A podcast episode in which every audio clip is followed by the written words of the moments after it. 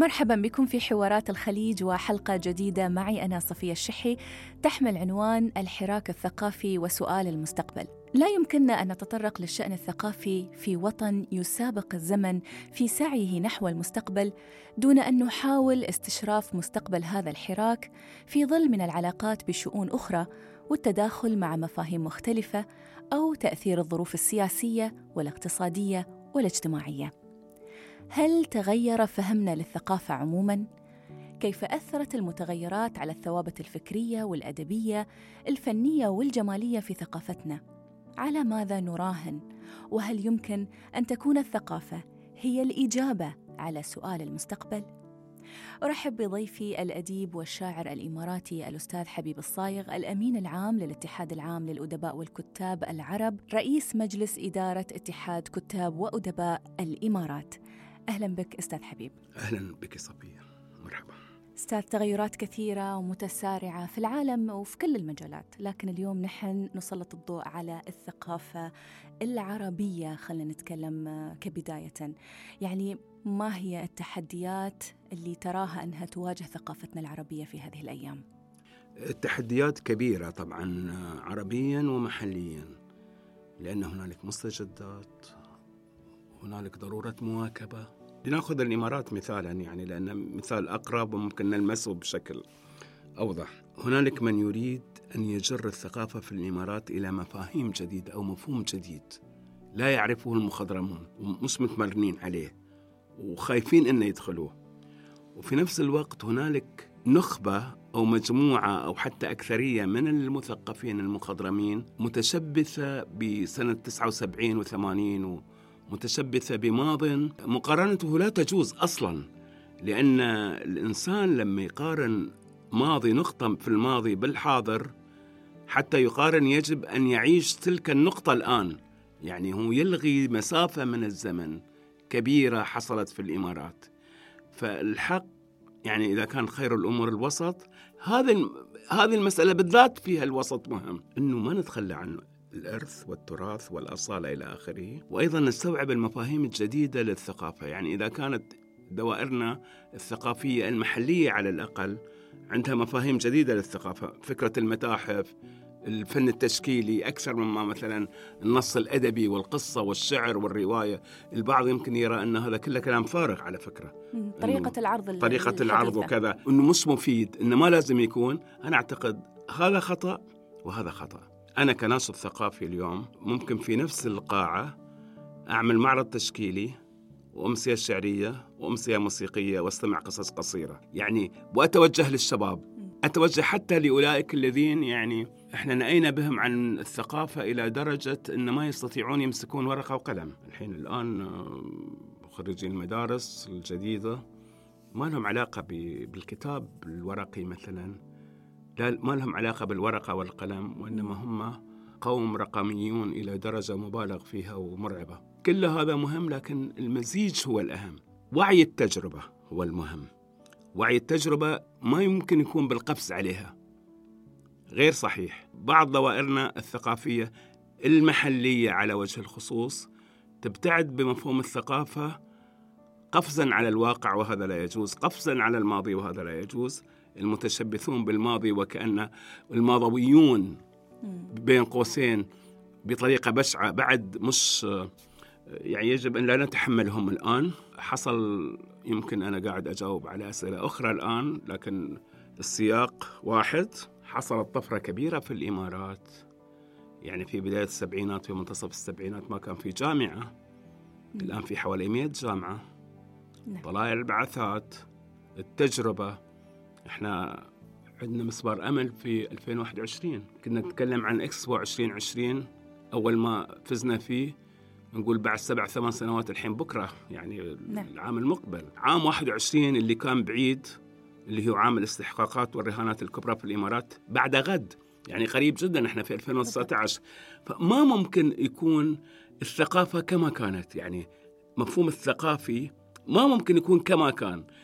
مستوى الكتاب أكيد الآن أفضل يعني أنا أقول اللي يقول يتحسرون على أيام الماضي نعم. مش صحيح لأن المقارنة خاطئة أصلا لأن كتاب التسعينات في الإمارات كتاب العشرية الأولى من الألفية الثالثة نعم. إلا أن يكونوا أهم لأن ظروفهم أهم حياتهم أفضل مستشفى اللي يتعالجون فيه أفضل المدرسة اللي درسوا فيها أو الجامعة أفضل.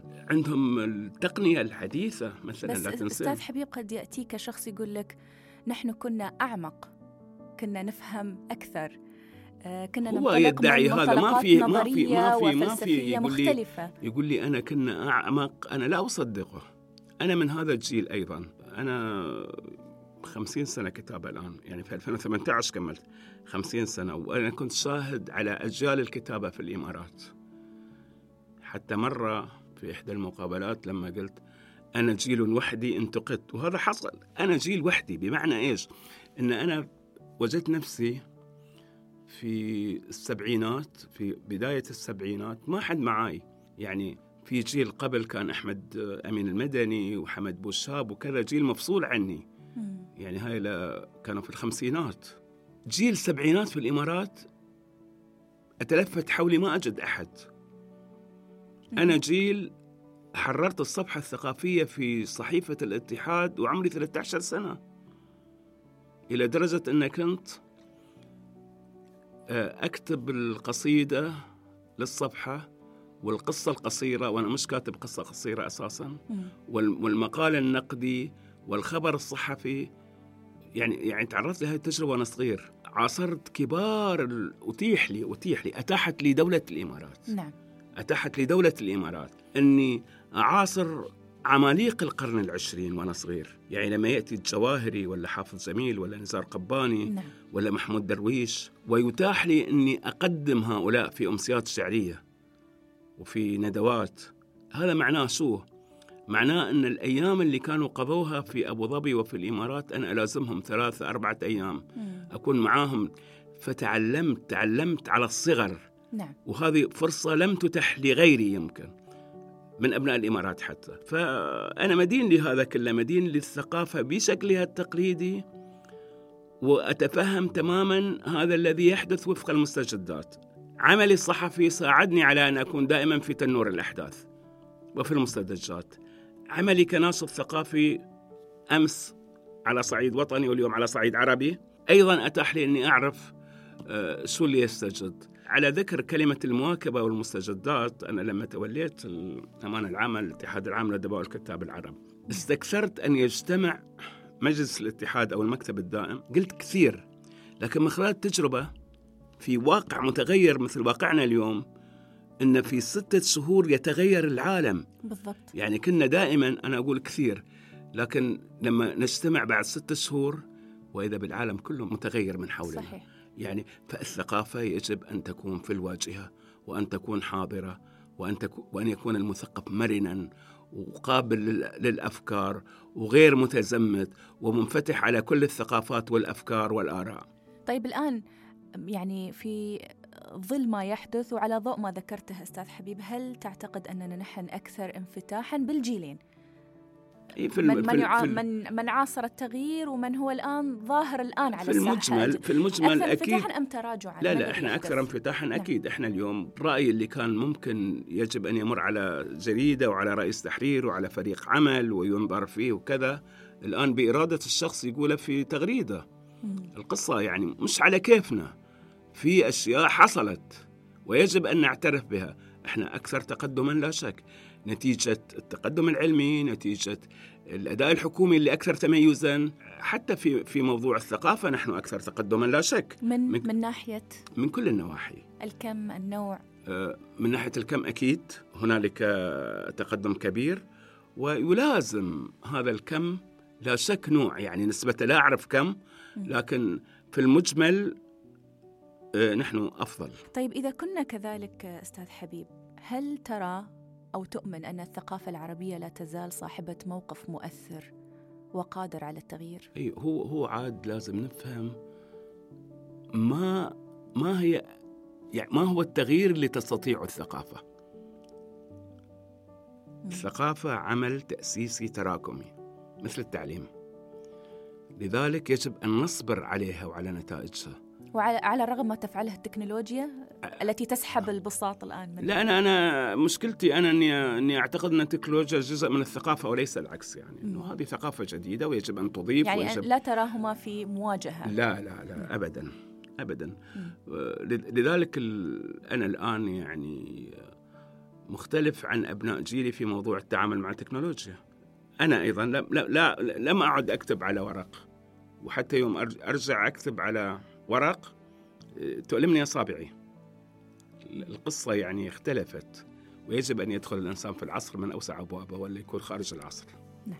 فاصل قصير ونعود لمتابعة هذا الحوار.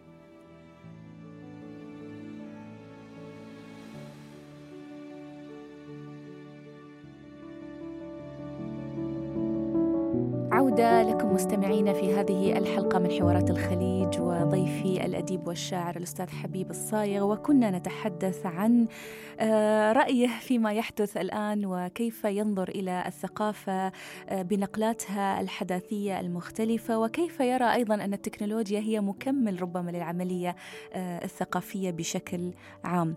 طيب إذا كنت تؤمن بهذه الشراكة التكنولوجية والثقافية في آن وفي زمن أعلن فيه التطرف عن نفسه بقوة.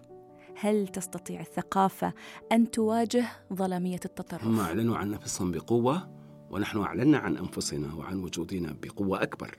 يعني دور المثقف اليوم أن يواجه الحركات الظلامية وتيارات التخلف والتكفير على صعيد الإبداع وعلى صعيد النشاط الثقافي. يمكن إحنا من أكثر الدول التي بادرت إلى ذلك. على سبيل المثال في الاتحاد العام للأدباء والكتاب العرب اللي يتشرف بتولي أمانته العامة منذ 2015 منذ نهاية 2015 عملنا مؤتمرات كثيرة وندوات حول التطرف ومكافحة الإرهاب والحمد لله إحنا في دولة بادرت إلى ذلك عبر إصدار المرسوم بقانون رقم اثنين لسنة 2016 في مواجهة الإرهاب وأيضا أصدرنا قوائم محددة بأسماء إرهابيين ومؤسسات إرهابية ودورنا كمثقفين التصدي لهؤلاء آه، لأن المسألة أساسا هي مسألة ثقافة. أنا لما أجد يعني أنا كان من حظي أيضا أني تابعت محاكمات التنظيم السري غير المشروع في دولة الإمارات 2013 وبعض المحاكمات لمحكمة أمن الدولة منها محاكمة شاب إماراتي عمره 18 سنة كانت تهمته السعي إلى السعي للانضمام إلى داعش يعني هو لم ينضم. لكن من اللي يخلي ناجح ثانوية أو راسب ثانوية يفكر في الانضمام إلى داعش ويسعى إلى ذلك يسعى يعني عبر طرق كثيرة. شو اللي يخلي رجل إماراتي بالغ أنه يطلب السفر آه، إلى تركيا؟ فلا يسمح له أنه ينتمي إلى مؤسسة يعني يجب أن يأخذ إذنها بعد ذلك آه، يسمح له لأنه يقدم رسالة أنه يريد يقضي الصيف في إسطنبول. ياخذ زوجته وأولاده الأربعة. بعدين يتركهم في الفندق بعد أربعة أيام ويتسلل إلى إلى معسكرات تدريب داعش. شو اللي يخلي هؤلاء يعملوا الفراغ الفكري. اللا ثقافة اللا ثقافة غياب الفلسفة عن المدارس والفكر. إذا الفكر هو اللي يحصن الناس ضد هذه الأفكار. فالمسألة فكرية ابتداء يعني. هل من وصفة معينة؟ إيه هو هو التعليم الجيد الفكر والفلسفة. الآن ليش مثلا إحنا بنذكر بلدان حتى. يعني لوحظ أن تونس كثير خرجت داعشيات ودواعش. هم نفسهم نعم. التوانسة التربويين توانسة نعم. يعتقدون لانحدار التعليم. هم نفسهم يقولون لانحدار التعليم ولغياب الفلسفة والفكر والنقد, نعم. والنقد على المدارس. ليش أكثر من انضم مش أدبيين؟ الأدبيين يعني هو ما يستعمل هذا اللفظ كثير لكن مقابل العلميين العلميين هم خريجو كليات العلوم والهندسة والطب إلى نعم. آخره. العلميين هم كانوا أكثر انضماما. أكثر من من يتخصصون في العلوم الإنسانية إيه، أكثر من من تخصص في العلوم الإنسانية والاجتماعية. نعم. ليش؟ لأن أيضا فراغ يعني هو يتعامل مع دم ولحم وما يسوء جدار وما يتعامل مع مع مسائل إنسانية. وجدانية. وجدانية. نعم. فكان هذا أكثر انضماما. إذا الفكر مهم جدا. في التصدي لهذه الجماعات هل يستدعي ذلك أن تحدث نوع من الشراكة بين الكاتب والأديب والمثقف والمفكر وال- والفيلسوف خلينا نقول ورجل التربية والتعليم أو من المشكلة أن التربية والتعليم في معزل عن كل هذا نعم. للأسف رغم أن الآن توجد خطوات في آه، وضع بعض الأعمال الأدبية اللي قدمها كتاب وكاتبات إماراتيين ولكن ذلك فقط لا لازم هذا يكون يعني هذا هو جانب صغير يعني هو لازم يكون بإشراف اتحاد الكتاب وإحنا أكثر من مرات عملنا معاهدات أو مذكرات تفاهم مع وزارة التربية والتعليم أنها لم تنفذ نعم. آه، مش في عهد الوزير الحالي حتى من قبل. لكن لم لم لم تنفذ، إحنا ندعو وزارة التربية والتعليم إلى استمزاج رأي اتحاد الكتاب كواجهه للثقافه في الإمارات اليوم واللي على معرفة. بماذا يقدم في المدارس، لأن المسألة مش مسألة أن نقدم نتاج إماراتي، هذا الكاتب الإماراتي يمكن يدمر أكثر عن شو دراني. القصة قصة المضمون والمحتوى.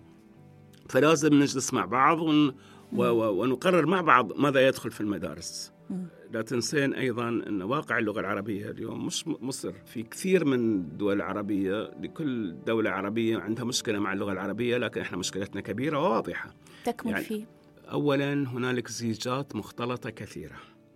فهنالك جيل إماراتي. يعني أنا أذكر في مدارس وسط البلد إذا شئتي. كان هنالك مواطنون كثيرون في مدارسنا عندهم صعوبات في اللغة العربية لأن الأم هندية أو فلبينية أو كذا نتيجة الزيجات المختلطة. هذه في طبقات اجتماعية أدنى. في الطبقات الأعلى ينظر إلى اللغة العربية كشيء ضد التمدن للأسف. شيء ثانوي. إيه؟ رغم الاستراتيجية اللي موجودة الآن تضعها الدولة وطريقة فكر القيادة أيضا. بالنسبة للغة العربية نعم. هو هنالك مساع جميلة لكن وبصراحة شديدة وقد تعاهدنا قبل هذه المقابلة على شيء من الصراحة أنا أعتقد كثير منه كان استعراضي. مش حقيقي خصوصا من اللغة العربية. أنا لما أعمل مؤتمر في 2000 شخص أو 3000 شخص أو 4000 شخص يعني شو حفيد اللغة العربية؟ اللي يفيد اللغة العربية أن أخليها شرط في التعليم وسوق العمل ونقطة في آخر السطر. ولا مؤتمرات ولا بين قوسين بطيخ. خليها شرط في التعليم وسوق العمل وشوفي كيف تتطور المسألة. أما أني أعمل مؤتمرات وأوراق بحثية وكذا وفنادق وخسائر مادية هائلة بد- بدون داعي. اللغة العربية في قانون يحميها.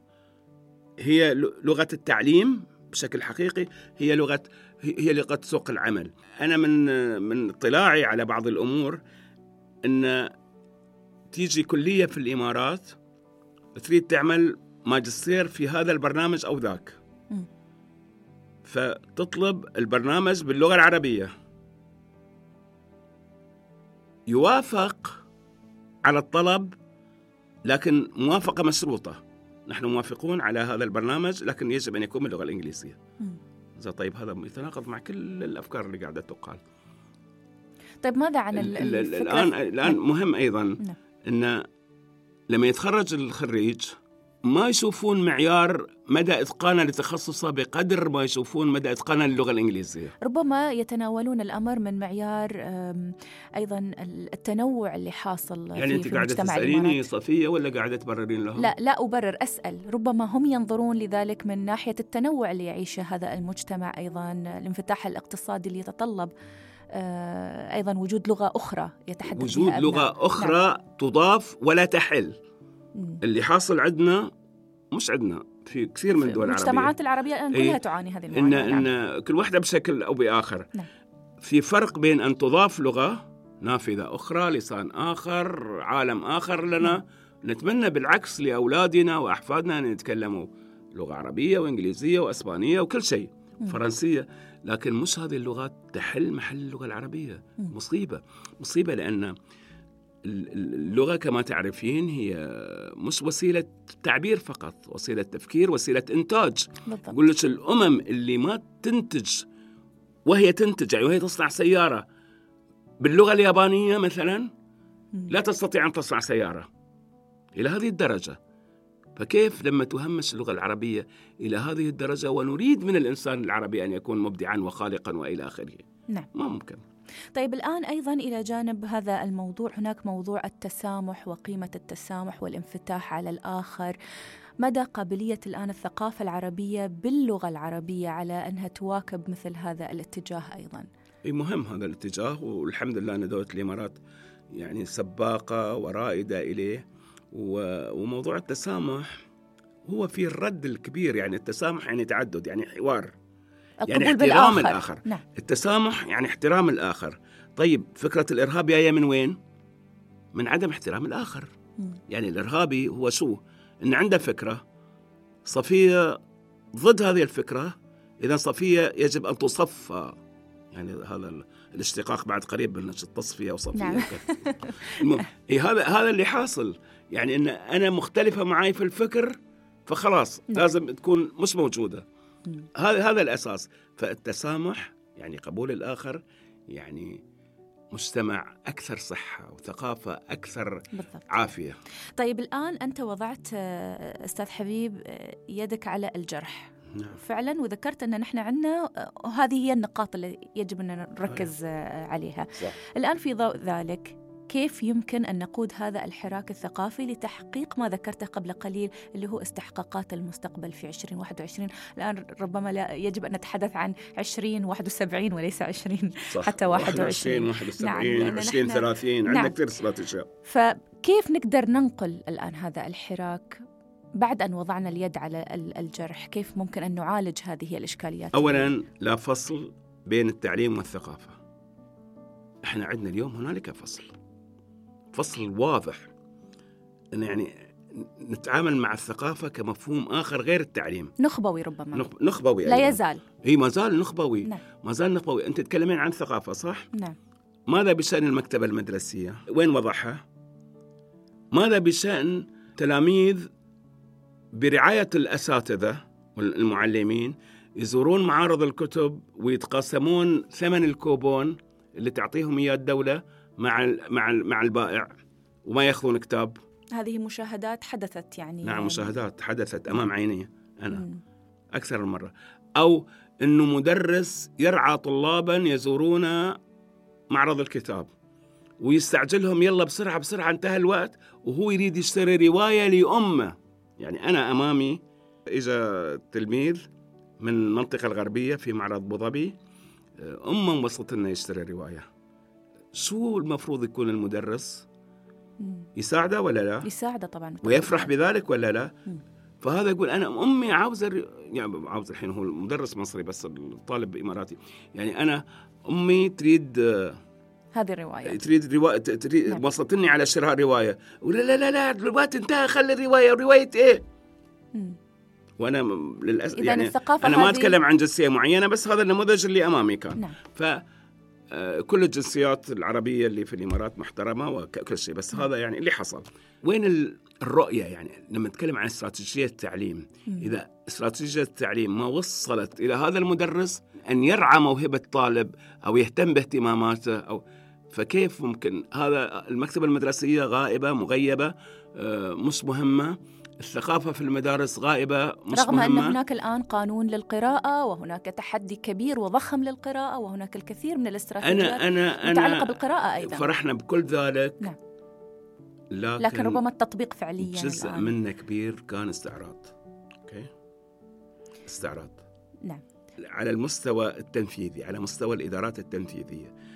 التوجه في الدولة راسخ وموجود بدليل إنه اللي أمر بعام القراءة هو صاحب السمو رئيس الدولة حفظه الله. نعم.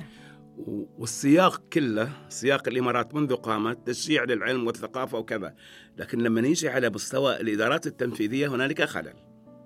ويجب أن يتدارك. أعمل عام قراءة أشوف آثاره أشوف نتائجه أشوف ماذا حصل أشوف الوعود اللي اللي قطعتها وز- الوزارات على نفسها. سمعنا إنه منذ الجنين في بطن أمه من حقه أن يقرأ. مش من حقه صرفت على أساس حقائب للأمهات. نعم. هل هذا موجود الآن؟ هل هذا حصل؟ يعني نريد متابعات وتقييم. إيه نعم. نريد إن مواعيد عام القراءة مثلا أو أي عام آخر مواعيد عام القراءة بالذات. هل كانت مواعيد حقيقية أو مواعيد عرقوب بين قوسين؟ هذا اللي نريد أن نعرفه. فاصل قصير ونعود لمتابعة هذا الحوار.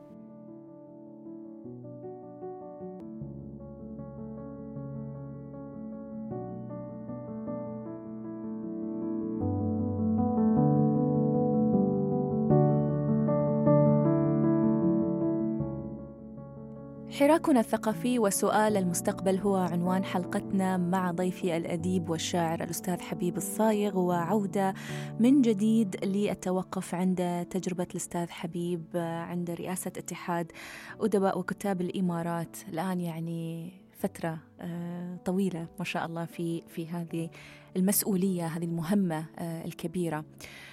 كيف تقيم هذه آه، التجربة منذ بدايتها؟ يعني وليس فقط في الفترة اللي حضرتك يعني قمت بهذه المسؤولية.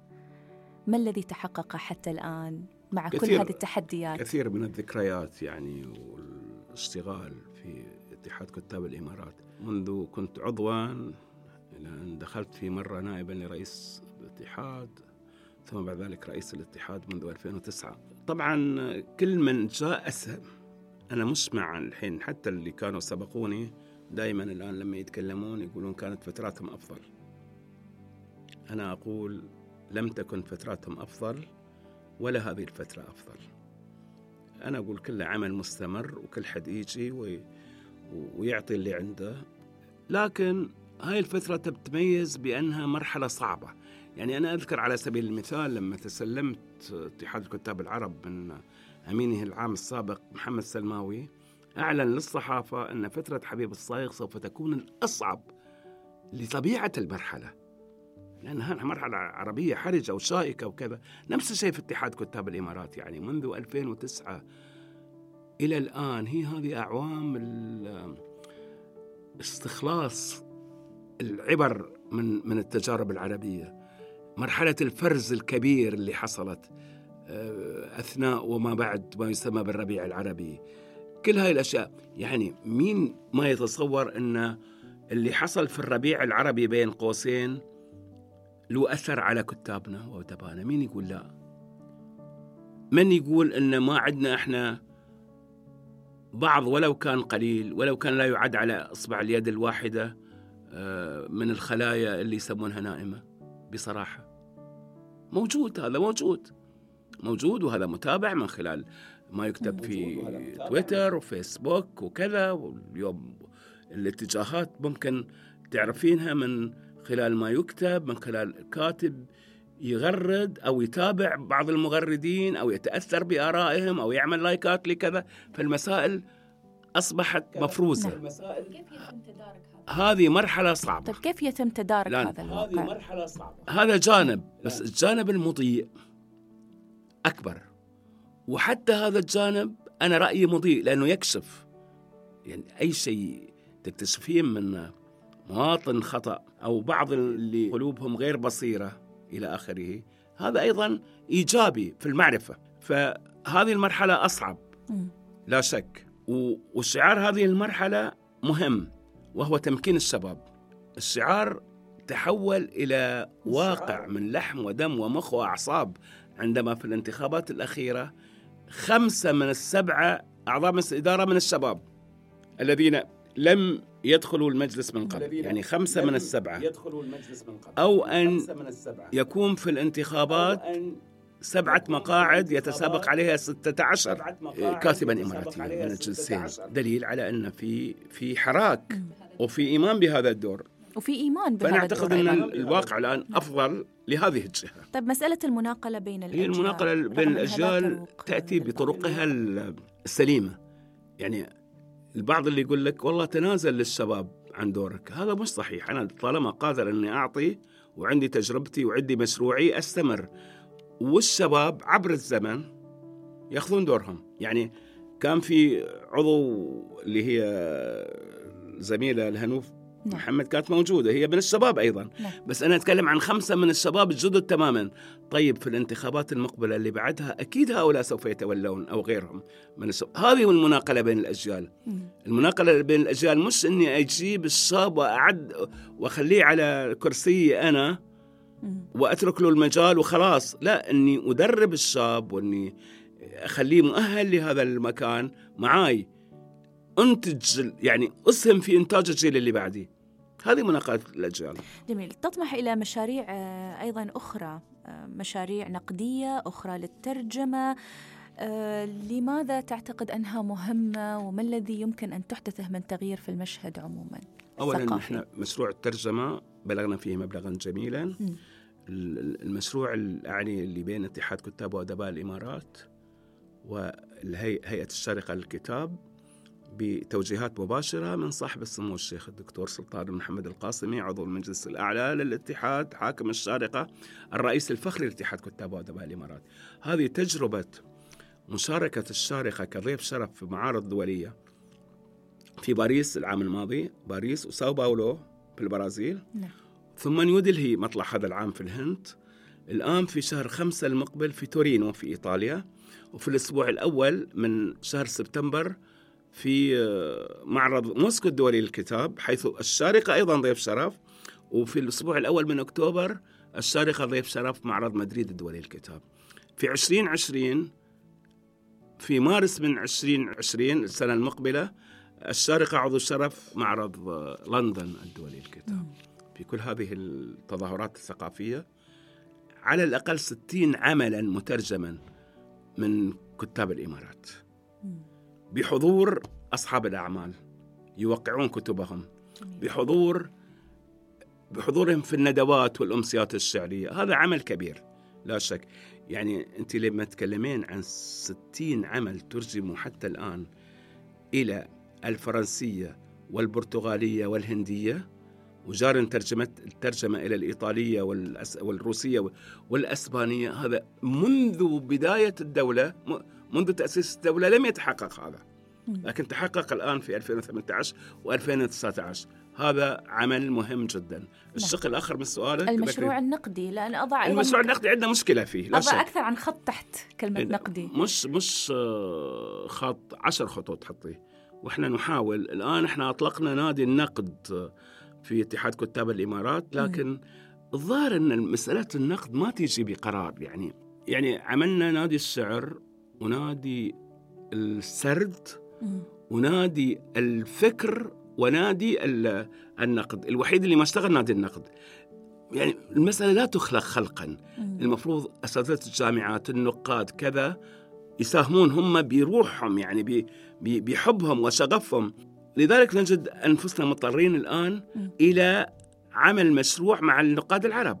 يعني أن والله النقاد في المغرب في مصر في تونس نعم نكلفهم تكليفا بدرس نتاج أبناء الإمارات ممتاز. وهذا هذا سوف نقوم عليه. وبالتالي نقل التجربة بالضبط. وثم يعني كما أيضا آه، مثل ما يحدث في خلينا نقول يعني مسابقات أو ماراثونات التتابع يعني أي، أنه صح. يصير تتابع في هذه التج... الت... في- في- في- النقد. وثم أيضا ربما يعني طموحين جدا أن أيضا يكون عندنا من أبناء الإمارات نقاد أيضا أي هم موجودين لكن نعم. مشكلتهم أنهم غير مهتمين بالصحة للأسف. يعني أستاذ الجامعة منصرف إلى عمله إلى عمله إلى بالضبط. عمله فقط وأنا أتمنى من الجامعات من إدارات الجامعات يعني نعم. القيام بجزء من هذا الدور الآن يعني مرحلة متجددة في العمل الثقافي على مستوى العلاقات بين الأشقاء العرب و... وأنا سمعت أكثر من مرة من من ال... يعني الكتاب والشعراء أنهم ينظرون إلى الإمارات كمنارة الآن وحاضن كبير هي هي الحقيقة هذه. هي خاصة بال- بعد الأحداث السابقة بالرقم يعني. والمعلومة هذا حاصل نعم يعني إحنا نقدم حوالي 100 جائزة منها جوائز ثقافية عالمية. آه، أهم المعارض عندنا أهم الندوات آه، في الإمارات حركة الترجمة من وإلى. يعني مشروع كلمة ولو أني أنا دائما يعني أخذ عليه عدم التجربة الترجمة العكسية يعني مم. مشروع كلمة يترجم من اللغات الأخرى العربية نعم واحيانا حتى الانتقاء في مشكلة، لكن هذا مشروع ضخم ومهم ومبشر. الثقافة في الإمارات على الصعيد الرسمي أولوية مم. وهذا غير متحقق في معظم الدول العربية. يبقى المأسسة يبقى الاتساق بين المؤسساتنا الثقافية يبقى استكمال بعض الأشياء يعني مش ممكن نتصور أنه في هيئة عامة للكتاب في الشارقة ومهمة. في قطاع كتب في كل مثلا من أبو ظبي ودبي ولا يوجد هيئة اتحادية للكتاب. يعني ما نريد نتعامل مع الاتحاد كإمارة ثامنة. لا الاتحاد المظلة الاتحاد البيت الأول والأخير لازم يلتفت إليه أكثر من الناحية الثقافية ماذا عن الاتساق بين الثقافة والإعلام؟ أنت تضحكين لأنك م... هل نملك هل نملك إعلاما ثقافيا حقيقيا؟ إيه لأن عارفة الجواب تقريبا. أنا عارفة بس يعني أنا أنا أنا صرحت أكثر من مرة نعم. والآن أعيد. نعم. أعيد آه، محددا كل شيء حرفيا حرفيا يعني. أولويات الإعلام في الإمارات مرتبة ترتيبا غير صحيح. الإعلام بمعنى؟ الإعلام في أولويات الإعلام في مجمله نعم. بجي للشرح. نعم. ثم الإعلام الثقافي ضمن هذه الأولويات مرتب ترتيب في ذيل القائمة يعني ترتيب غير صحيح. والإعلام الثقافي نفسه بنوده أو برامجه أو أولوياته مرتبة ترتيبا غير صحيح. في لخبطة شديدة في هذه القصة. أتكلم أنا من تجربة رجل قضى خمسين عاما في الكتابة الإبداعية والإعلامية والصحفية والاشتغال الإعلامي. في مشكلة عويصة.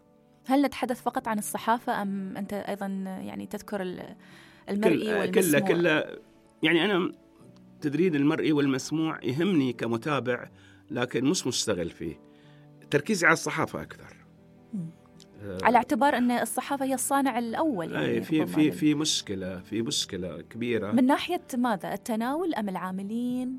متخصصين يعني في الجانب؟ العاملين غير متخصصين أولوياتهم غير صحيحة معظمهم غير متخصص. الدور الصحفية ما تسوي تدريب لهم. آه، هم لا يعرفون البلد لا يعرفون حس البلد بشكل الصحيح يعني يعني محرر المحليات يتمرن مع الأيام على حس البلد. حس البلد هذا ما يدرس في جامعة. الح- أن يحس يكتسب. الإنسان بالبلد يكتسب. الإخوان في الأقسام الصحفية يعني بعيدين عن هذا تماما. دفاع بالكاتب المحلي بالكتاب المحلي غائب. هنا ممكن المقارنة مع فترة سابقة. يعني فترة محمد الماغوط الله يرحمه لما كان رئيس القسم الثقافي في الخليج أو يوسف عيدابي أطال الله في عمره كان رئيس القسم الثقافي في كانت كتبنا لما تطلع أربع صفحات في الجريدة يحتفى بها. يعني ممكن ملحق الخليج الثقافي يخصص لكتاب جديد. ويتناول مك... فكم يفرح هذا الكاتب؟ كم يعطيه حماسة؟ اليوم هذا غير موجود أبدا. آه، الصحافة الثقافية هي المعرضة. هذا يقولون تقليديا بس هذا متحقق الآن في الإمارات. نعم. في حالة أنه في احتياج لصفحات إعلان اللي يضحى فيها هي الصفحة الثقافية وهذا اللي. أنا كنت يعني بطرحها عليك أستاذ أن مسألة ال- المواجهة مع أيضا المؤسسات الإعلانية إيه. وأيضا المواجهة مع التكنولوجيا قبل ما أنسى بعض نعم. الأشياء نعم الصحافة قد توجد في أي قسم إلا الصفحة. إلا إلا الثقافة الآن للأسف يعني صحافة بمعناها يعني الصح... الحقيقي إن... إيه يعني أعمل تحقيق صحفي ثقافي إن إلا إذا كان إيجابي وهذه مصيبة يعني إن إن في تصريح لمسؤول فيصبح المثقفون هم والله يؤيدون كلام المسؤول. الفي اي بي في الصفحة الثقافية ليس المسؤول. اللي يفترض أن يكون هو الشاعر الكاتب القاص. مش النشاط هو الفي اي بي ولا يعمل مهما جدا زيارة المسؤول أو الوزير. يعني هذا اللي حصل عندنا الآن إنه والله في نشاطين. هذا مهم وهذا أقل أهمية. لكن الأقل أهمية يكون في الصدارة لوجود الوزير أو المسؤول. وهذا أكبر خلل أصاب الصفحات الثقافية. في ملاحظة أيضا على الصفحات الثقافية وأرجو أن يتسع المجال للكلام والنشر والفهم. كل صفحة ثقافية منتمية إلى إماراتها عكس الصفحات الأخرى. يعني في الاتحاد الحدث اللي في أبو ظبي هو على رأس الصفحة. لو كان في الشارجة شيء مهم والعكس صحيح. في في الخليج الحدث اللي في الشارقة هو المقدس. مثلا بين قوسين ربما هذا لطبيعه أيضا أنا أنا لا أنا أنا, نعم. أنا أنا أنا أوافق على كل أسئلتك ولا أوافق على تبريراتك لا أبرر لا أبرر المهم أضيف فقط لأن إحنا كلنا نعم. جميعا نعم. يعني نعم. نحو مصلحة هذا الوطن بطبيعة الحال نعم أي ما حتى السياسية مش صح إن الثقافة تفرق بمعنى من المعاني لا الثقافة المفروض بالعكس تتجاوز السياسة في التوحيد ما يجوز. إحنا في دولة واحدة. دولة تجاوزنا هذه المسألة منذ زمان يعني منذ عقود. ما تجي الصفحات الثقافية الآن تكرسها. هي نقطة آخر السطر. طيب باخذ من وقتك بعد زيادة أستاذ حبيب وأسألك آخر سؤال في هذا الحوار. ما شاء الله يعني خمسين عام آه، من الكتابة التدفق المعرفي الشعري.